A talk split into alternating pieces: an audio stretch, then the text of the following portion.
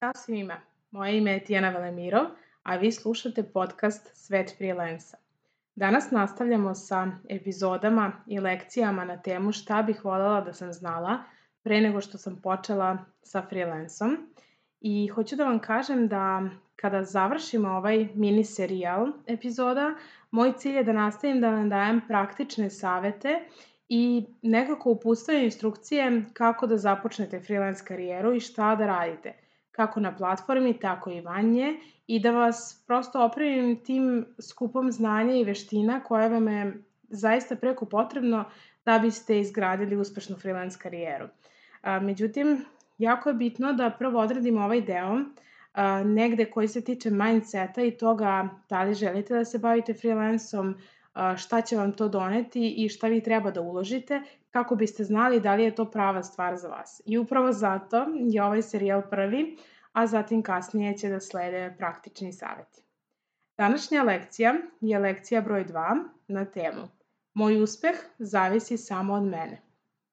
Znam da vam ovo zvuči čudno i nekako mnogi ljudi čudno reaguju kada, kada ovako nešto kažem, jer prosto um, navikli smo da živimo u takvom društvu i odrasli smo manje više svi u takvom društvu gde uh, je uvek potrebno da se neko drugi krivi za nešto. Sad, da li je to porodica, prijatelji, okolina, država, sve jedno je, ali nismo naviknuti na tu neku ličnu odgovornost i to da zaista mnoge stvari zavise od nas samih i da nam se nekako i ne isplati, to smo pominjali u prošloj epizodi, da nam se ne isplati da igramo na tu kartu da zavisimo od drugih i da naš uspeh ili neuspeh zavisi od drugih.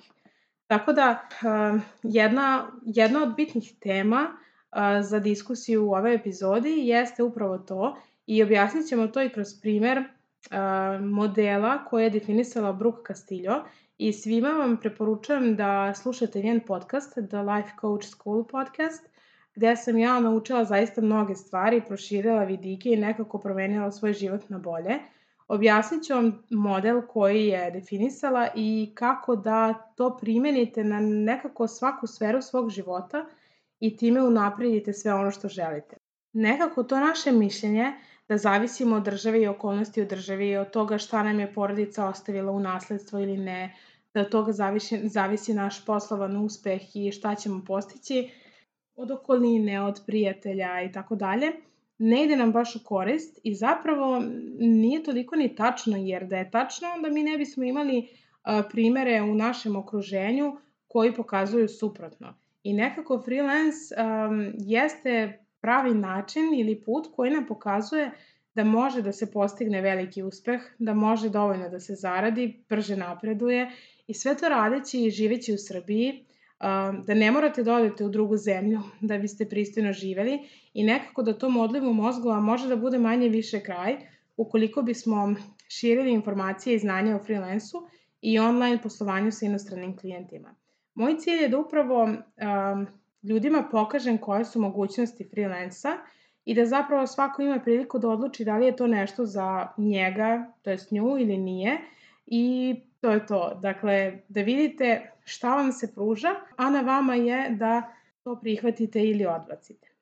Postoji jedna stvar koju sam htjela da naglasim, a to je da ima puno polemike oko poreza i plaćanja obaveza prema državi u poslednje vreme što se tiče freelansa.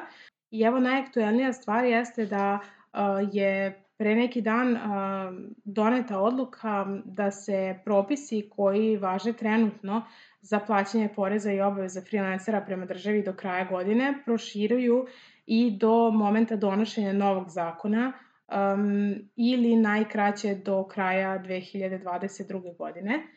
Uh, ono što hoću da kažem da je naravno jako bitno da svi mi koji se bavimo freelanceom ili mi koja nas zanima freelance se bavimo za mnogo pravedniji položaj uh, u državi i da na bilo koji način kako možemo učestvujemo u toj borbi za što pravedniju poziciju. I ja se iskreno nadam da će na kraju to biti mnogo povoljnije definisano od strane države, pošto je ovako neodrživo i prosto nije realno da se freelanceri oporezuju čak i više, jer u raznim drugim zemljama imaju povlašćeni položaj, baš zbog toga što zapravo freelanceri sami sebi sve obezbeđuju i treba da imaju taj neki povlašćeni položaj. Naravno, to ne znači da porez ne treba da se plaća i bilo koje obaveze prema državi, to samo znači da uh, zaista ima smisla uh, nekako posticati razvoj freelansa u Srbiji, jer nekako i sve to kada gledamo iz drugog ugla, freelance može da se posmatra i kao mini direktne strane investicije u državu, gde svi freelanceri troše te pare u ovoj državi i do, dovlače klijente inostrane, da tako kažem, tako da to je od višestruke koristi i za državu. Ono što hoću da kažem je da neću se ovde puno baviti time, jer postoje eksperti i sa druge strane knjigovođe i računovođe koji se, koje se bave ovim pitanjima. Mogu vam toplo preporučiti da posetite sajt ili Instagram profile Milana Trbojevića, možete i Dušana Rogovića i kod njih možete vidjeti sve informacije o tome koliko se plaća porez, kako, kad, koje su druge obaveze, koji su vam najbolji načini da legalizujete i uvedete u legalne tokove svoje primanja putem freelansa. Ono što vam ja mogu reći iz mog iskustva jeste da negde moja procena, a tako sam čitala i od ovih eksperata, da se preko 1000 ili 1500 evra isplati otvarati paušalnu agenciju i to jest paušalnu radnju preduzetničku i postoje rešenja i za pitanje oko testa samostalnosti i sve drugo što naš mozak može da nam stavi kao prepreku, a to su zapravo izgovori za sve nas. Ovo napominjem jer mnogi ljudi mi postavljaju pitanje i govore kako je to nemoguće, kako nije isplativo, kako nije drživo, kako pada se test samostalnosti i slično. Ja vam kažem iz ličnog iskustva, a i brojnih drugih ljudi koji to rade trenutno na ovaj način da je moguće naći rešenje, samo konsultujte eksperte, knjigovođe i računovođe za to. Tako da toliko, toliko o ovoj temi. Ja bih volala da se vratim na pitanje našeg uspeha i na to šta određuje da li ćemo uspeti ili ne. I pre svega bih voljela da vam dam primer nekakvog mog puta i gde sam bila pre freelansa i gde sam negde sad. Um, svakako dok sam završavala master radila sam u banci i prosto bila sam zadovoljna zaradom, kakvom takvom. Međutim, kada sam uh, dobila posao za stalno i videla da mi je plata ostala ista, ja sam u tom momentu dala otkaz jer sam znala da zaslužujem bolje i da mogu bolje. I to je ključni moment, znači to je ta moja misao da zaslužujem bolje, koja je meni dala motivacije i hrabrosti da ja za sebe i tražim bolje. I sad zapamtite ovaj moment da je ključna ta misao, jer ću vam kasnije kroz taj model Brooke Castillo koji sam pomenula objasniti šta to sve proizilazi iz te misli. Dakle, ta misao je meni dala snagu da ja prosto tražim za sebe bolji put. Um, pre toga, pre bavljenja freelansom, zaista, mislim, živela sam u nekoj uh, tipičnoj atmosferi i situaciji, većina porodica u Srbiji gde nismo imali uh, dovoljno para i da platimo račune, stan, hranu i sve ostalo i jako dobro znam šta znači krpiti kraj s krajem, da tako kažemo. Uh, tako da ne dolazim iz one priče gde mi je sve bilo servirano na tasnije, a ja sam samo preuzela. Um, tako da uh, upravo ta moja odluka da donesem otkaz i da tražim za sebe nešto bolje je bila prekretnica i tada sam uplovila u svet freelansa. Za samo tri dana sam našla prvi posao, a kasnije za nekih mesec ili dva uh, sam počela da zarađujem duplo više nego što sam zarađivala u banci. Naravno, kasnije je to sve raslo, uh, moja zarada i napredovanje i bolje pozicije i tako dalje.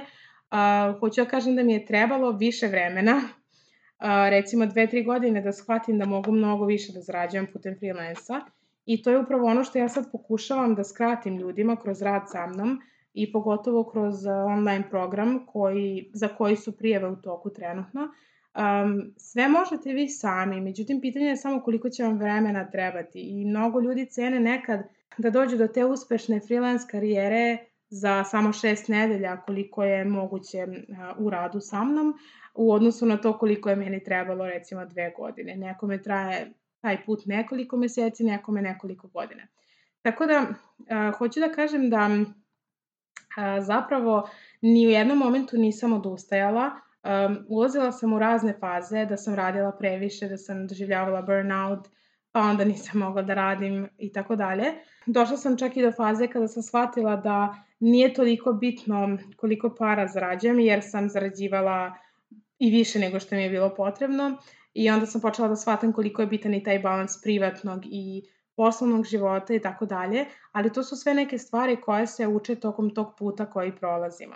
I zapravo jako veliki fokus na mom online programu jeste upravo sve to da vas upozorim na sve faze i da prosto budete spremni na njih i da ih pređete što je lakše moguće. I sad ima jedna zanimljiva tema, a to je koliko se zaradi, koliko može da se zaradi preko Upworka. Odgovor je koliko mnogo ili malo želite, jer to će vam i nekako um, isplesti taj put uh, kuda ćete vi ići. Uh, hoću da kažem da Ja se bavim freelansom nekih šest godina i što se tiče rada, radila sam primarno preko platformi, preko Upworka. Nekada sam nastavljala saradnju i van Upworka, ali neka okvirna suma koju sam ja ukupno zaradila do sad jeste oko 200.000 dolara i to zvuči mnogo, međutim stvar je u tome što u prvih dve, tri godine sam zarađivala znatno manje, a kasnije znatno više, tako da ta neka mesečna primanja su se razlikovala u godinama i trenutno na Upworku, recimo kada želim da se bavim freelanceom, naplaćujem 40 ili 50 dolara po satu. Um, znam da vam ovo zvuči dosta ambiciozno, ali naravno to nije gde vi počinjete, to je negde gde možete da stignete. Međutim, sa druge strane, ja sam radila sa ljudima koji su eksperti u svojim oblastima i samo su prosto hteli da, da pređu na freelance, gde sam im ja pomogla da za samo dve nedelje nađu odmah posao na Upworku koji će da naplate 40 dolara na sat. Tako da sve je moguće zavisno, u zavisnosti od toga gde ste vi, u kojoj ste vi fazi trenutno, privatno, poslovno, karijerno i gde želite da budete. Uh, tako da to je to što se tiče zarade i toga šta je moguće. Um, naravno, samo vam dajem primer ima mnogo, mnogo uspešnih freelancera u Srbiji koji su zarađivali i više i manje i nije bitno samo koliko se zaradi. Mislim, to ćete videti, svako ko bude krenuo ovim putem vidjet ćete u jednom momentu kada budete zarađivali više nego što vam je potrebno, vidjet ćete da nije jedina bitna zarada. Tako da, um, zapravo vratila bih se sad na ono šta je ključ i setite se da sam vam rekla da zapamtite ono moj misao da zaslužujem više kada sam radila u banci I sad hoću da vam objasnim taj model Brook Castillo, uh, koji je vrlo koristan i sastoji se toga da uh, naše okolnosti su jedna stvar koja je totalno eksterna i uh, mi ne zavisimo od njih, niti one od nas. I uh, posle toga idu naše misli. Naše misli utiču na to kako se mi osjećamo. Kako se osjećamo utiče na to koje su naše akcije i naše akcije a, kreiraju rezultate. Dakle, model glasi okolnosti, misli, osjećanja, akcije i rezultati. I naši rezultati zapravo su dokaz za naše misli. Pa sad to bili dobri ili loši rezultati, oni će biti dokazi za dobre ili loše misli koje će se samo podhranjivati time. Najbolje je da to objasnim na jednom primjeru. Recimo, uzet ću primjer sebe kada sam radila u banci I kada mi je najveći problem bio to što nisam zapravo imala dovoljno para da pokrijem sve troškove života mene i mojih, dakle da platim sve račune, hranu, stan i tako dalje. Postavljamo model od početka, recimo okolnost. Okolnosti moraju da budu nešto što je apsolutno objektivno, znači ne može da ima nikakvu primjesu subjektivnosti i zapravo kako Brook to kaže, okolnosti su nešto što kada kažete na sudu će biti dokazano da je tako, znači neće niko moći da ospori validnost toga. U ovom slučaju to može da bude rečenica uh, nemam dovoljno uh, para da platim sve mesečne troškove. I dakle to ne može niko da ospori jer recimo meni su bili troškovi 50.000, a ja sam zarađivala 30.000.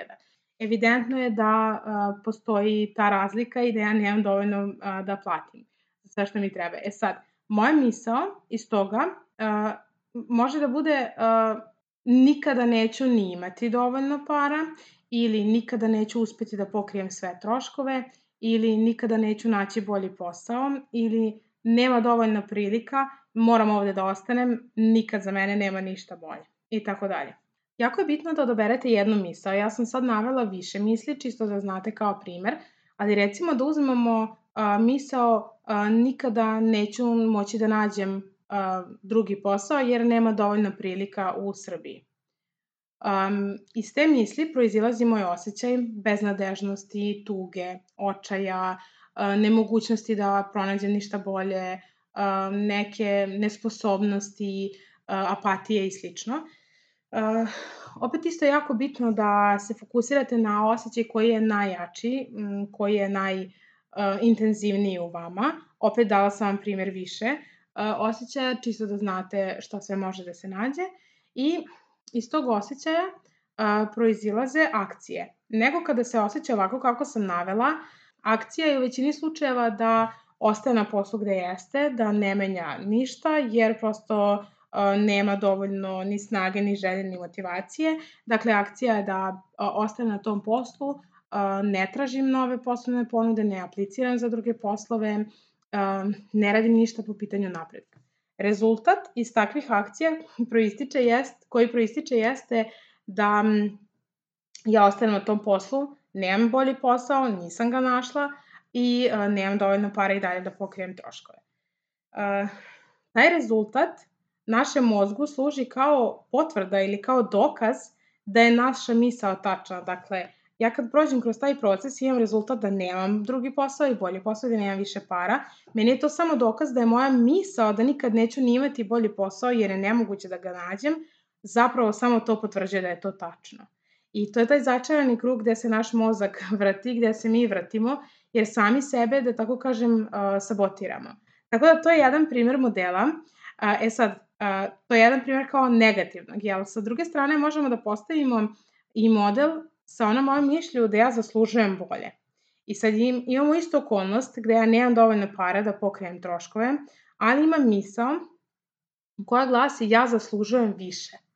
I ja kada zaslužujem više, uh, ja ću da prosto nadovezujem i drugi niz misli na to, a to je da ja moram da mogu da nađem bolji posao, da mora da postoji neka prilika za mene, da ja zaslužujem bolju priliku, da ih ima dovoljno, da ću uspeti da nađem ako dovoljno tražim i tako dalje.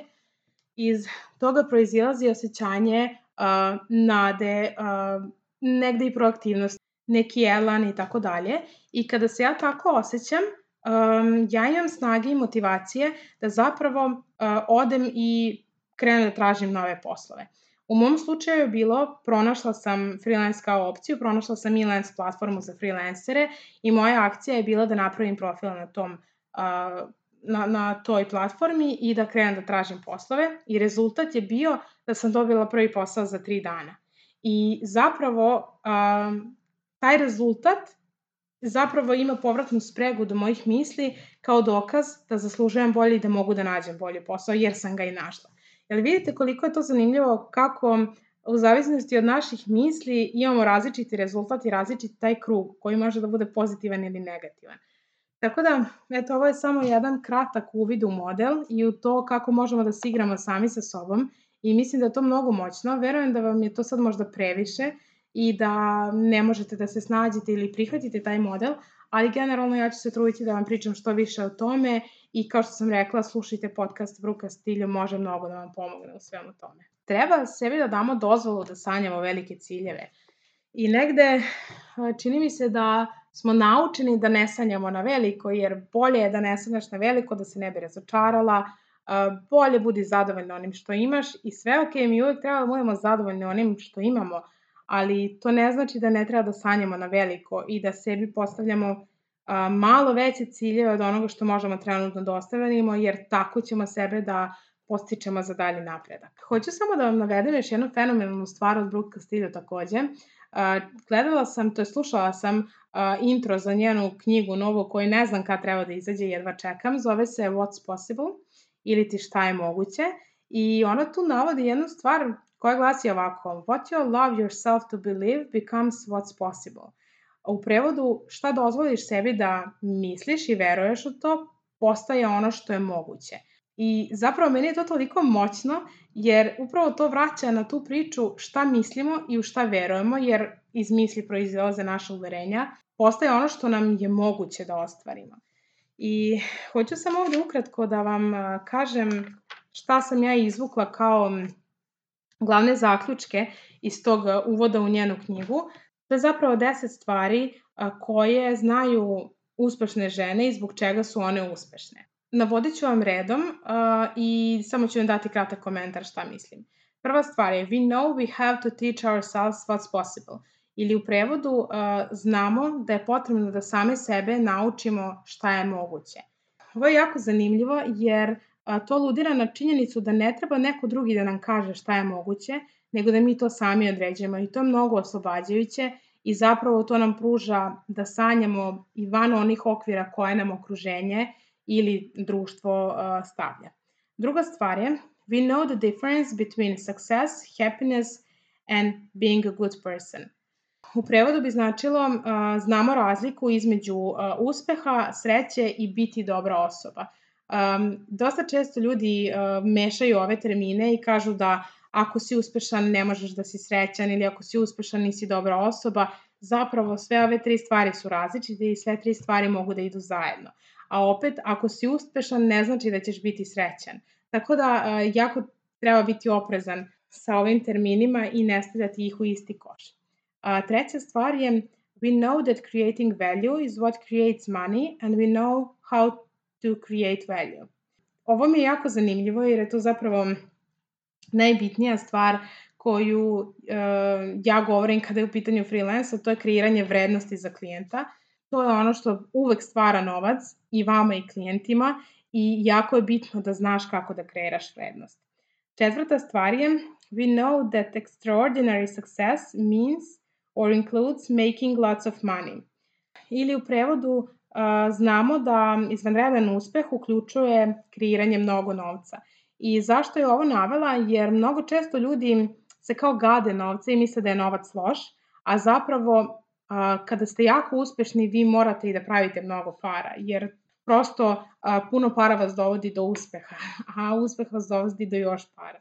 Peta stvar je, extraordinary women know that life is 50-50, Um, što bi značilo da izvanredne žene znaju da je život 50-50, pola pozitivan, pola negativan, uh, pola da su srećne uh, stvari, to jest lepe emocije, pola ružne.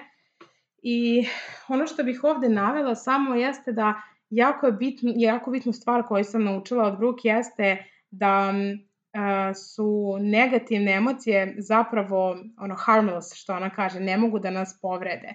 One su samo emocije i putokazi da nešto nije ok i da nešto treba drugačije da radimo. Šesta stvar, we know failure is the price of success. Ovo je jako bitno jer uh, ukoliko nismo spremni da a, imamo neuspehe, mi nikad nećemo ni stići do uspeha. I to je zaista a, tema koju ćemo detaljno obrađivati nadalje. Sedma stvar je we know we don't get the how until we get there.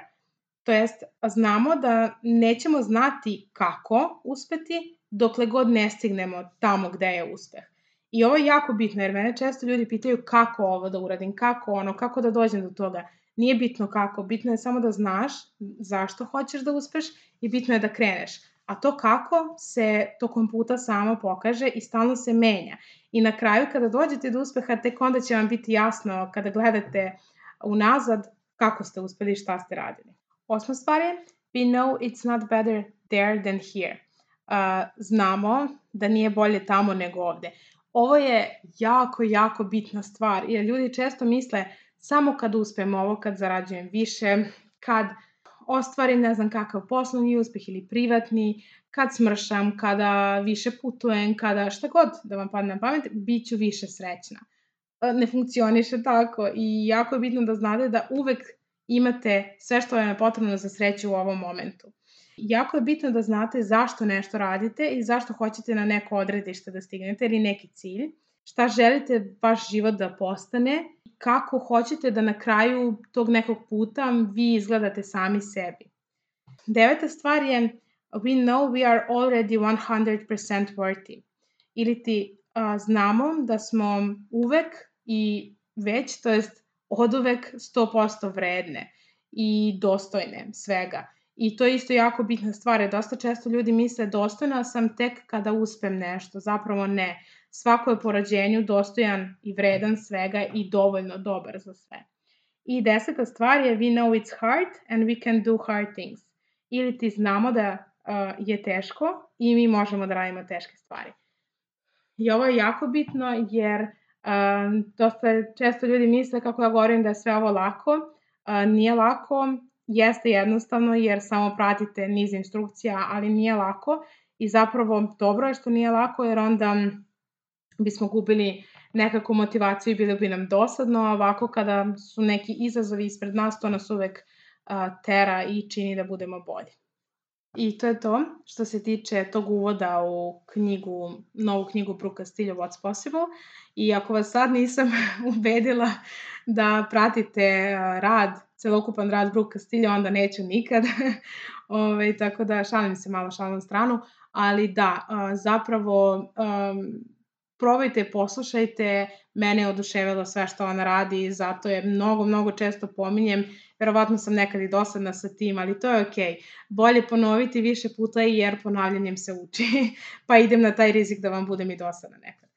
Na kraju hoću samo da vam postavim neka pitanja za razmišljanje na ovu temu, kako biste mogli da posle slušanja ovog podcasta sami sa sobom razmislite u kom pravcu želite da idete. A to je, Da li je u tebi ubijena želja da nešto želiš i da li misliš da je nemoguće da želiš? Šta si želela kao dete? Šta, o čemu si maštala kao dete? Šta bi postigla kada bi ti neko rekao da je moguće da to postigneš? Šta je za tebe nemoguće da postigneš i zašto je nešto nemoguće? Ostavljam vas da razmišljate o ovim pitanjima. Čujemo se sutra. Ćao!